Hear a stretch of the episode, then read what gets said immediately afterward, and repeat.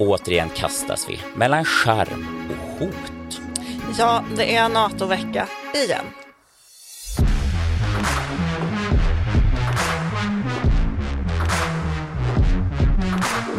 Det här är Politiken med Maggie Strömberg och Torbjörn Nilsson. Och Henrik Tore Hammar. Tänk när Ulf nu äntligen får smyga på sin favoritlåt. This, this is the year it all will happen. happen. Sjunger han med Marit Bergmans goa superhits över 20 år sedan. För nu kommer nämligen Henrik Torehammars stora förutsägelse slå in. Det här blir Kristerssons år. För nu kan det hända någonting i NATO-processen. Känner vi det? Eller? Um, alltså, det är det som är problemet med vad heter det, såna här spådomar i journalistiken, att sen jobbar man mycket för att få rätt.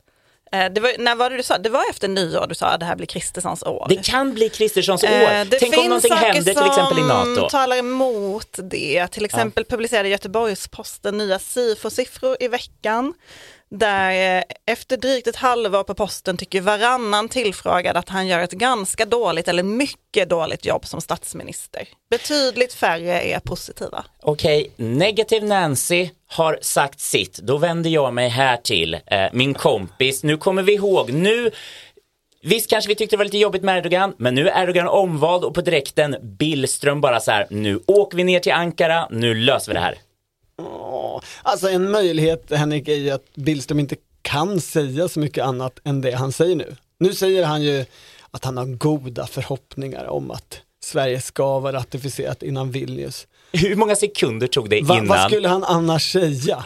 Men okej, okay, varför var han tvungen att säga nu ska vi åka ner och ha ett möte och sen på direkten kommer flashen. Turkiet säger det blir inget möte. Mm. Jo men, Nej, det, men där, eh, det, här... tror jag fått, eh, det där kan man nog reda ut. Oh, spännande. Gör vi det nu eller sen? Nej men alltså han hade ju en förhoppning, Tobias Billström, utrikesministern, om att prata med Cavusoglu, eh, Turkiets utrikesminister, i Oslo nästa vecka. Då de båda är där på ett NATO-toppmöte. Eh, men det säger alltså Cavusoglu nej till. Nej, men om jag som då sitter på bättre information skulle kunna få ta över det här så var det så här att efter valet i söndags när Erdogan vann, då tog Tobias Billström upp sin mobiltelefon och smsade Cavusoglu. Tobias Billström är ju en, många ministrar, oväntat många ministrar älskar smsa andra ministrar. Messy eh, bitches som vi kallar dem. Och sa grattis Mervut, jag vet, oklart om han kallar dem eh, vid förnamn. Och då fick han svaret, tack så mycket, vi ses i Oslo. Sen Då gjorde... låter ju det som att, okej okay, utrikesministern, jag hör en positiv grej från dig, vi har ett och möte. Och då pratar vi mer om NATO. Eh, sen han, gjorde han intervjuer med olika medier, bland annat vår tidning Svenska Dagbladet, och sa då, ja, vi kommer ju träffas i Oslo när det är utrikesministermöte för NATO-länderna och Sverige. Ja. Eh, sen visar det sig att Cavusoglu inte ska åka dit, att, det är, att han måste stanna i Ankara. Det är något efter valet. Det är inte en eh, protest, det är inte som det var förra gången de blåste av alla mötena säger man från UD, utan okay. detta, detta är, har att göra med valet. Men alltså, applåd... Och det kommer komma någon annan, men på lägre nivå från Turkiet på det här NATO-mötet. Applåd till de här Paradise Hotel push-notiserna som bara, han försöker få kontakt, hon nekar kontakt, nu är hon med Blutt. Du säger ofta saker, men sen så gör du ju någonting annat. Någonting annat. Ryan Reynolds here from Mint Mobile. With the price of just about everything going up during inflation, we thought we'd bring our prices down. So to help us, we brought in a reverse auctioneer, which is apparently a thing. Mint Mobile unlimited premium wireless. Ready to get 30, 30, bit to get 30, bit to get 20, 20, 20, bit to get 20, 20, bit to get 15, 15, 15, 15 just 15 bucks a month. So, Give it a try at mintmobile.com/switch. slash $45 up front for 3 months plus taxes and fees. Promo rate for new customers for limited time. Unlimited more than 40 gigabytes per month slows. Full terms at mintmobile.com. som jag uppfattar saken så eh, även innan andra omgången i det, i det turkiska valet så har man ju planerat för ett uppföljande sånt här trilateralt egentligen möte i den här gruppen som hanterar memorandumet från Madrid. Alltså, Oskar Stenström och gänget. Precis, de har ju träffats i Finland, i Sverige, i eh, Turkiet Bryssel. och i Bryssel. Och förhoppningsvis så tänker man sig att det ska bli ett ytterligare, eh, förhoppningsvis sista sånt möte innan ratificering. Sen återstår ju också Ungern. Alltså det, nu när jag nu fortsätter på, kommer det här bli Ulf Kristerssons år? Och Ungern, eh, där har ju Billström höjt eh, tonläget får man väl säga. Eh, jag hörde honom i Studio 1 häromdagen och då var han ju liksom lite, ja men han lät ju brysk när han talade om Ungern. Men den centrala frågan vad gäller Ungern, det är ju att där finns det ju inga specialöverenskommelser utan Ungern godkände att Sverige skulle få status som invitee, alltså inbjuden i samband med NATO-toppmötet i Madrid förra året. Turkiet fick vi ju ett särskilt memorandum med, men Ungern ville inte ha någonting sådant utan släppte Sverige som invitee förbehållslöst. Och därför så är det ganska obegripligt varför det ungerska parlamentet ännu inte har Eh, ratificerat den svenska NATO-medlemskapsansökan. Det är vår bestämda uppfattning att de borde göra det. Det är ju en slags NATO-vecka den här veckan. Eh, ännu en kan man säga. Det är, i, idag är ju den amerikanska utrikesministern i Luleå och träffar svenska regeringen, bland annat statsministern och utrikesministern. Sen flyger de därifrån då till Oslo där det är två dagars utrikesministermöte där Tobias Billström bland annat ska ha en bilateral med Storbritanniens utrikesminister. Ehm, och sen så är det då det här magiska datumet den första juni som svenska regeringen har gått och längtat efter. Det är ju då den nya terrorlagstiftningen träder i kraft. Och då tänker de sig att Turkiet magiskt ska plisas av detta och säga ja. Sen var det väl en spanjor här förra veckan också? Ja, det var den spanska utrikesministern. Och Billström har, han ska flyga över Europa. Precis, Billström börjar ju sin egen skärmoffensiv nu där han ska träffa viktiga NATO-länder för att fortsätta då eh, hålla frågan vid liv, prata mycket om detta, få andra att säga att det är viktigt att Sverige kommer med. Man är också väldigt nöjd i den svenska regeringen över att eh, Joe Biden när han pratade med Erdogan efter valet tog upp detta som en huvudpunkt, alltså Sveriges medlemskap. Man förlitar sig ju just nu mycket på andra länders Men jag, känsla. pratade, jag pratade med en person i regeringskansliet eh, för några dagar sedan som beskrev det som att nu börjar slutspelet.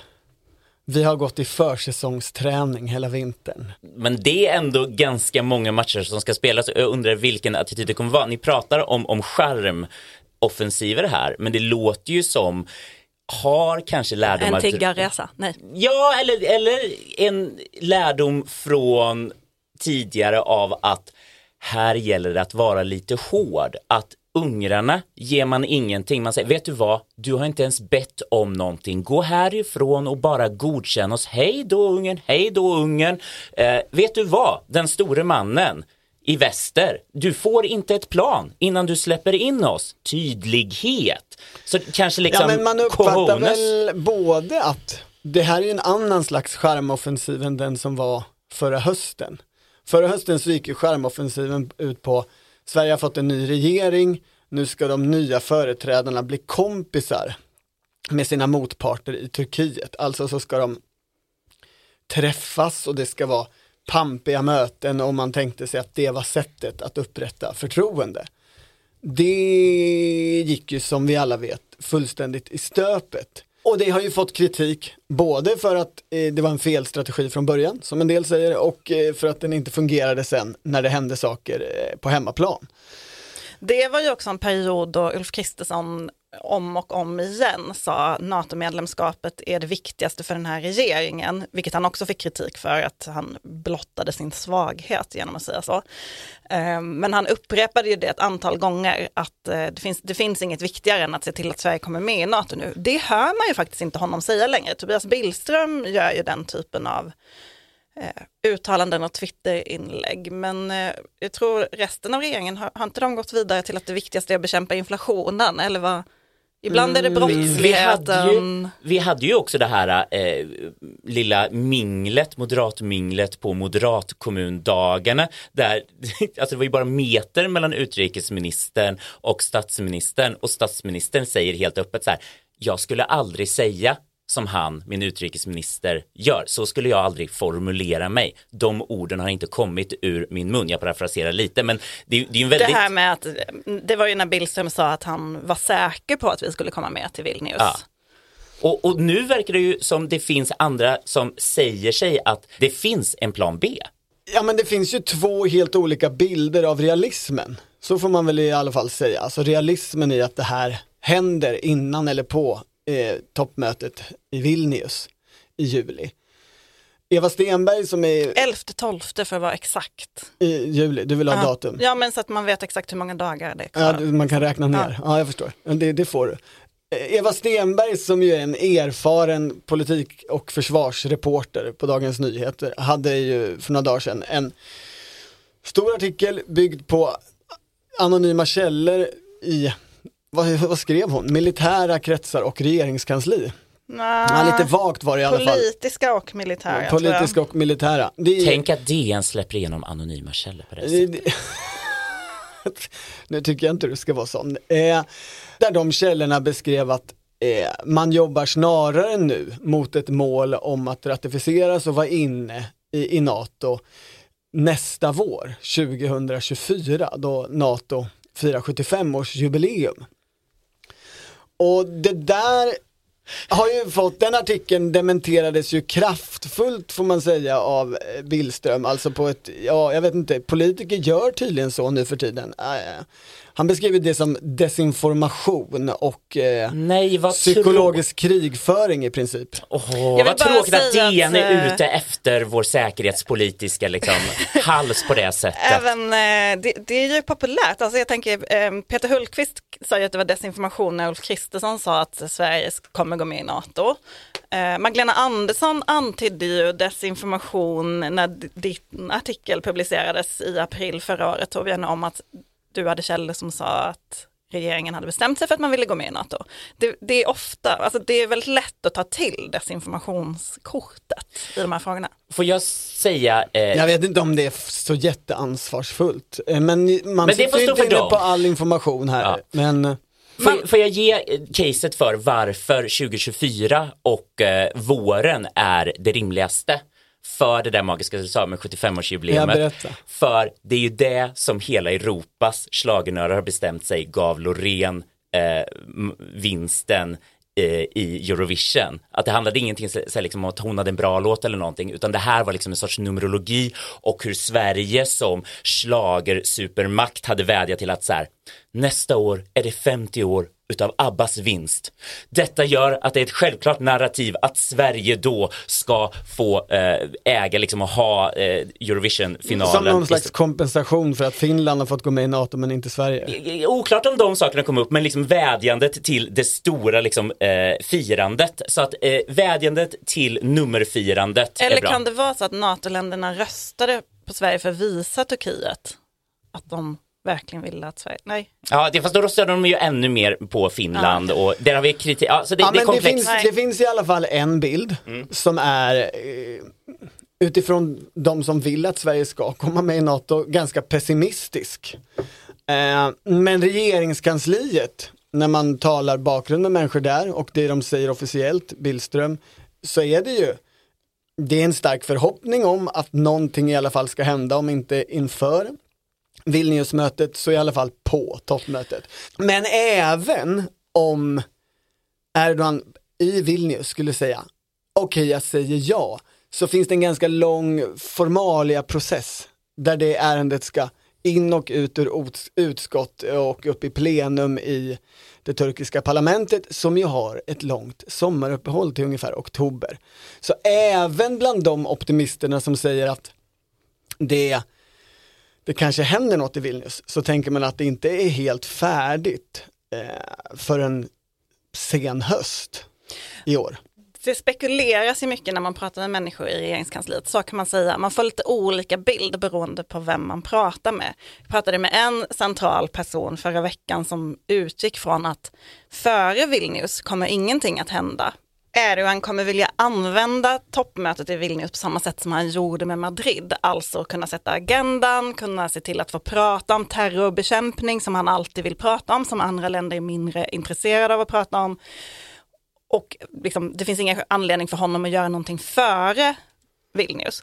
Pratar man med andra personer i regeringskansliet som har, så finns, får man en annan bild att jo, det kommer absolut hända något före Vilnius, för det är det USA tydligt har signalerat att eh, det ska vara klart före toppmötet om det ska komma några flygplan. Typ. De här flygplanen dyker ju upp igen. Det är som att de har funnits med hela tiden och så är de inne och ute och man, man, man blir aldrig klok på de där flygplanen. Eh, att de är det här exet som ska kunna förklara allt och ingenting lite. Så här, var det här allt det handlade om och de bara nej, ni är helt fel. För att om vi liksom tänker så här, ja, var det det här som var poängen hela tiden? Jag vet inte, är det liksom en film, är det en sån här M. Night Shyamalan, liksom att the twist var liksom, it was all about the planes all along. Eh, eller finns det saker man kunde ha gjort på vägen dit? Eh, för säg, säg att det skulle gå bra nu, säg att eh, under Kristerssons ledning så tas vi in i NATO så finns det en kritik, inte bara från socialdemokrater utan från moderater, högermänniskor mot att så här, det här visar på hur dålig den här regeringen och framförallt hur svag Kristersson har varit i utrikespolitik, hur vårdslös man har varit med NATO-processen. Man pekar på till exempel att man skickar iväg en statsminister på direkten det är ingen charmoffensiv, det är idioti, det är kortet man ska spara till sista. Säger moderater detta till dig? Olika personer som har, som har kritik och som väldigt klart inte är Magdalena Andersson-röstare säger att det här, det här är problematiken. Vet du vad? Du har en socialpolitiker som liksom kanske kan mingla, kan göra många olika bra saker, eh, tycker om att förstå saker, men Kan han mycket om Gustav Möller. Kan inte Det måste du lägga på pluskontot. Men han saknar den utrikespolitiska kompetensen och han har inte fyllt liksom runt omkring sig med de här människorna utan mer liksom spindoktorer eller människor som är ute och krigar och eh, vill vinna olika dagsfighter och det är det som är så problematiskt när, när man inte kan de här frågorna i grunden Nej men då, då, liksom, då, då lyssnar man på de här som bara säger, men vet du vad, vi, vi kan sätta åt Magdalena, eh, vi, vi kan vinna över sossarna, vi kan använda NATO-frågan för att vinna något kortsiktigt. Eh, och hon pratar om destabilisering, liksom, vi går hårt på henne. Nu var, eh, det är många saker i Ja. detta, men jag, en sak fastnar jag för det här med vad han omger sig av för människor, det har vi pratat om tidigare i den här podden, många är intresserade av det. Men eh, de har ju faktiskt organiserat om statsrådsberedningen. Det finns inte den här utrikesstatssekreteraren av samma typ som man hade under Magdalena Anderssons regering, Stefan Löfvens. Som, För han har ett annat jobb nu. som var Oskar Stenström på slutet, Karin Wallensten innan dess och före det hade ju Hans Dahlgren alla utrikesfrågor. Nu har man ju en EU-statssekreterare men inte den där utrikespersonen. Sen finns det ju ändå en Alltså man, Henrik Landerholm, den säkerhetspolitiska rådgivaren, han är ju ändå en person med en utrikespolitisk bakgrund, har varit ambassadör.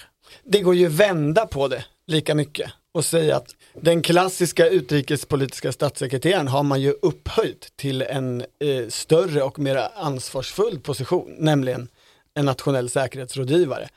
Henrik Landerholm, som ju är gammal vän med Ulf Kristersson.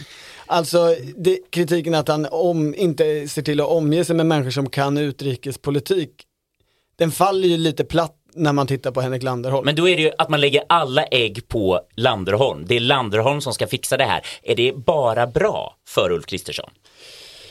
Jag vet inte om det är så, men klart är ju i alla fall att man har ju ett annat angreppssätt nu den här våren än man hade i höstas. Så det har skett någon slags förändring över tid.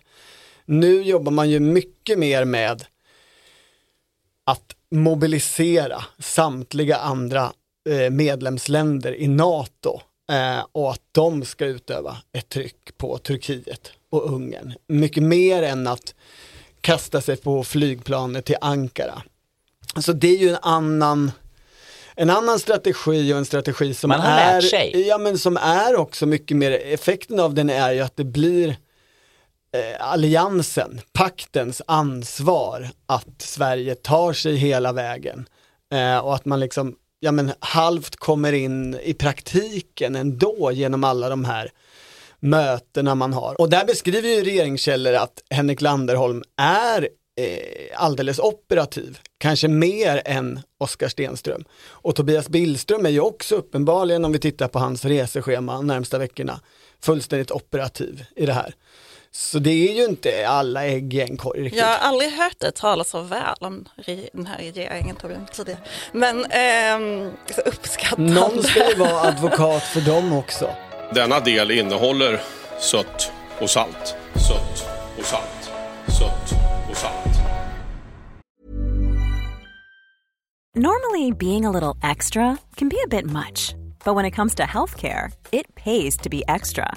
And United Healthcare makes it easy with Health Protector Guard fixed indemnity insurance plans. Underwritten by Golden Rule Insurance Company, they supplement your primary plan, helping you manage out of pocket costs without the usual requirements and restrictions like deductibles and enrollment periods. So when it comes to covering your medical bills, you can feel good about being a little extra. Visit uh1.com to find the Health Protector Guard plan for you. En annan sak när det gäller eh, det här tidsschemat som vi pratade om så hör man ju också från RK att det finns en, ett önskemål, som jag förstår det från USAs sida, att själva eh, ceremonin ska se annorlunda ut än vad den gjorde när Finland gick med. Finland gick ju med liksom väldigt hastigt i Bryssel när det var ett möte där. Det var ju nästan som ett sånt där, eh, inte nödop, men vad heter det sånt där, eh, när man gifter sig jättesnabbt för, För att man är gravid. supergravid. Och Ja. de bara, absolut ni är gifta nu, gå iväg. Ja, ja. Nej, men, och att man nu vill att när Sverige väl blir medlem, om, om Sverige blir medlem, så vill man göra det fint i Washington. Eh, Det, det verkar ve- väldigt viktigt för USA. Eh, Då pratade jag med en person som sa att ja, men behöver det ändå gå snabbt, då kan ju ambassadören gå dit och lämna in liksom, pappren eller vad det nu är. Och jag bara, men vadå, ska Urban Ahlin då? Sossen. Denna liksom supersosse var den som får liksom sätta flaggan i månen. Ehm, och då sa personen så här, nej, nej, men då får vi kanske ändå skicka Billström också så att de gör det tillsammans. Eh, Urban Ahlin har ju nyligen utnämnts till eh, ny ambassadör i Washington, han har ju varit i Kanada tidigare. Det är ju den finaste ambassadörstiteln man kan ha. Men han har ju också varit vicekung så han har ju visat Jo. på att han kan vara snäll mot allt från Björn Söder till Och frågan är om det inte är därför. Urban Ahlin och Tobias Billström var ju talmän tillsammans samtidigt, så de känner ju varandra väl. Ehm, Det kanske är därför, som tack för någonting under talmanstiden som Ahlin har fått det här ambassadörsuppdraget. Men vill inte Ulf Kristersson själv vara den, alltså det sista formella i den här processen är ju att man lämnar in papper i Washington och att eh, det vill väl Ulf Kristersson göra själv. Man känner ju honom som en politiker som ogärna missar ett bra eh, photo opportunity. Kommer han ta med Magda då, ju frågan. Är han så jävla det stor? Intressant. Det är ju väldigt intressant. Alltså det var ju det här moment i eh, München när du var med Torbjörn, när de fick pris ihop med Niinistö och Sanna Marin. Då var det ju allmänna spänningar mellan de respektive landsparen. Kan man ju säga. Ja det var det Men absolut. sen var det ju, de signade ju, de skrev ju under, jag vet inte vad som har hänt med mitt språk, det är så mycket anglicismer, men de skrev ju under eh, ansökan tillsammans och höll ju en gemensam presskonferens då den 16 maj var det väl, Mm. förra året. Och då när Ulf Kristerssons medarbetare, antar jag att det var, la upp det här i sociala medier, då hade de ju klippt bort Magdalena Andersson på alla bilderna, så att det såg ut som att Ulf Kristersson stod själv i regeringskansliet och höll en pressträff, trots att han ju då var oppositionsledare. så att det, det finns ju någonting här. Det finns mycket att förhandla om för det visuella, det som ska sparas till historien. Men frågan är, är det liksom om, om nu Ulf Kristersson åker dit, lämnar in pappren oavsett vem som är med, är det det som krävs för att de här siffrorna som var i GP förra veckan ska vändas? Är det då svenskarna kommer se honom som statsman? Och frågan precis, om det var då 23 det blev eller om det blev 24 eller strunt Eller samma. 25? Ja, om, om vi återgår till din grundspaning och idé Henrik om huruvida det här är Ulf Kristerssons år, den kurvan, den går ju bara neråt. Och det är ju bra om man vill sen ha ett brott och för att visa här, här vände allting.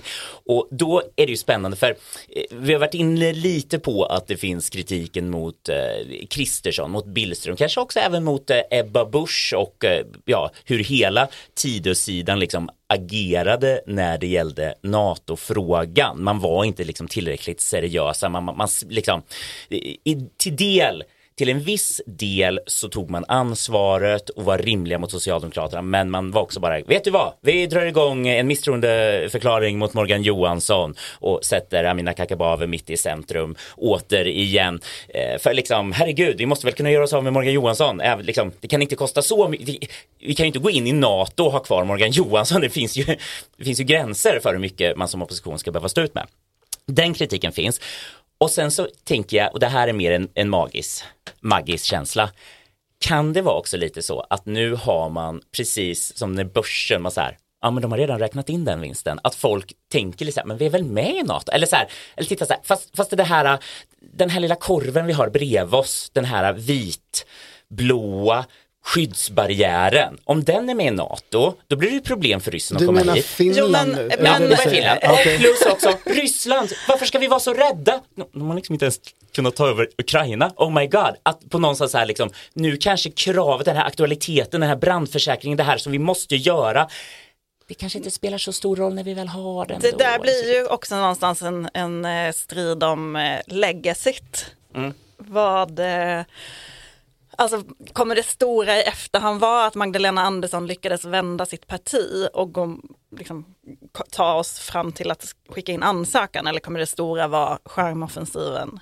Gentemot Turkiet som Ulf Kristersson är ansvarig för. Det, det vet vi inte riktigt än. Men jag funderar på en sak med Kristersson. Skulle inte han behöva, så jag tänkte på detta när jag såg honom i Masked Singer i helgen. Jag vet inte om ni såg. Ursäkta mig, Ulf Kristersson var med i Masked Singer. Det är ju ett tv-program, jag berättar för Torbjörn nu för att jag tror inte han vet vad det är, men det är ett tv-program där folk har olika roliga kostymer på sig och eh, dansar och sjunger och så ska juryn gissa vem de Det är. låter superskoj. Mona Sahlin har en gång varit med. Det kan man tänka Eh, sig. Den här Eh. Fotbollspersonen som eh, hamnade i en miss i en annan kontrovers gjorde Ja. de här båda sakerna samtidigt. Han så här, skällde ut eh, en, vad heter han, Janne, Janne? Andersson. Ja, Janne Andersson och sen på en sekund senare bara så här, hej, det var du som var mullvaden. Ja, absolut. Eh, I alla fall i, i veckans, eller förra veckans program så var det någon slags skämtsekvens där juryn skulle presenteras och så var det andra människor som satt där än de det skulle vara. Vilken kille han är för statsministern. Ja, eh, nu känner jag mig faktiskt lite förvirrad och känner att jag måste avsluta det här helt enkelt. Jag måste ta kontakt med Mads Singer, psykologen, så fort som möjligt. Ja, fru Kanin menar jag såklart. Du menar Mona Sahlin? Statsministern sitter med ett gigantiskt leende. Genast kom det en pushnotis från Expressen. Bakom kulisserna på Masked Singer så hamnade Ulf Kristersson där. De Eh, hade förberett ett jobb. Och då kände jag så här, Ulf Kristersson behöver inte vara med i Masked Singer och sitta och le stort. Han behöver göra motsatsen till Göran Perssons Dansa med kossan Doris. Han behöver visa de här sidorna som man ju hör ibland från, han, om, från hans medarbetare där han är typ fly förbannad och rasande och skäller ut alla och arg på alla journalister. Det som han faktiskt aldrig visar offentligt. Han behöver ta lite inspiration från arga Magda, tror jag, för att Arga Andersson. För att han ska vinna över eh, de här som nu kanske kände så här, åh, eh, osäkra, liksom okompetenta Kristersson som inte kan sin utrikespolitik och herregud, det är inte ens så akut längre för nu är Finland med och Ryssland är svaga. De eh, kan liksom övertygas. Får jag lägga in en motargumentation då Gärna. mot min, allas våra eh, tankar här. Vi fick precis idag nya siffror i, från SIFO om svenskarnas inställning till NATO-medlemskapet. Då kan man ju tänka sig att om det är nu så att man bara så här, men, i- man säger så här, men gud vad dåliga de är, eh, vad oerhört liksom, kanske inte så viktigt att gå med. Har det hänt någonting med opinionen? Nej, den är superstark. Den har gått upp något mer faktiskt. Nu har vi 67 procent utav svenskarna som är för. Och om man jämför med våran tidigare undersökning, då har det ju hoppat upp 20 procent. Enheter. Ja, och det, men det är över för ett, över ett år sedan. Men vadå, så sammanfattningen är, svenskarna älskar NATO men de älskar inte Ulf Kristersson? Nej. Eller har förtroende för? Alltså Moderaterna och liberalpartisterna, de älskar ju NATO än mer. Det är ju liksom, det är ju Nordkorea-nivå, det är 90-95 procent, 98 procent. De är bara så här, älskar det så mycket. Sen har du Magda och också Jimmys partier som är också så här, ja, vi är väl typ på något här 60-70 procentigt gillar det här. De enda som ordentligt håller ut, för även Miljöpartiet, de är liksom 50-50. Ja, de, är, de vet verkligen inte vilken fot de ska sätta ner i den här frågan. De har jobbat med glosan. Nej till NATO med förnuft. Man, vet, man, får se om det kommer vara en, en framgångsrik sak. Men, men väljarmässigt så är det Vänsterpartiet som säger nej. Det är, mm. de, de är de enda som har en liksom rejäl, gedigen eh, majoritet att vara nej-sägarna i, i detta stora projekt. Men eh, om vi ska ta den frågan till statsministerns möjligheter att få upp sitt eget förtroende. Ja, men då är det väl det här narrativet. Var det liksom så här, kan han på något sätt säga, ah, allt det här ni trodde vi var dåliga eller gjorde konstiga saker sådär. Eh, vi lägger allt, alla kommer glömma bort det. Jag tar med mig Magda till Washington och signerar eller visar sig, vi är storsinta, vi är liksom generösa. Nu känner alla så att det är en god känsla. Eller det här återigen, ah, det spelade ju ingen roll vad någon svensk gjorde för att Erdogan behövde ha ett val och han ville ha amerikanska flygplan. Eh, mm. Så att det liksom, allting var bara fluff innan det. Ja, frågan är om det är, en, är det NATO som kommer avgöra det där? Handlar det inte, alltså är det inte inrikespolitiken snarare? Ekonomin och inflationen. Ekonomin, eh, brottsligheten, eh, har det byggts något kärnkraftverken? Sen finns det väl i de där siffrorna också, antar jag, missnöjet med samarbetet med Sverigedemokraterna. Att det avspeglar sig. Ja men för onekligen så är det ju så, det här är ett långvarigt problem för Ulf Kristerssons, hans personliga förtroende. Eh, tittar man på den där GP-mätningen som Maggie pratade om så, ja, kurvan ser ju inte bra ut. Så då är ju frågan, kan Kristersson få upp den? Kan Christ så kan du inte säga.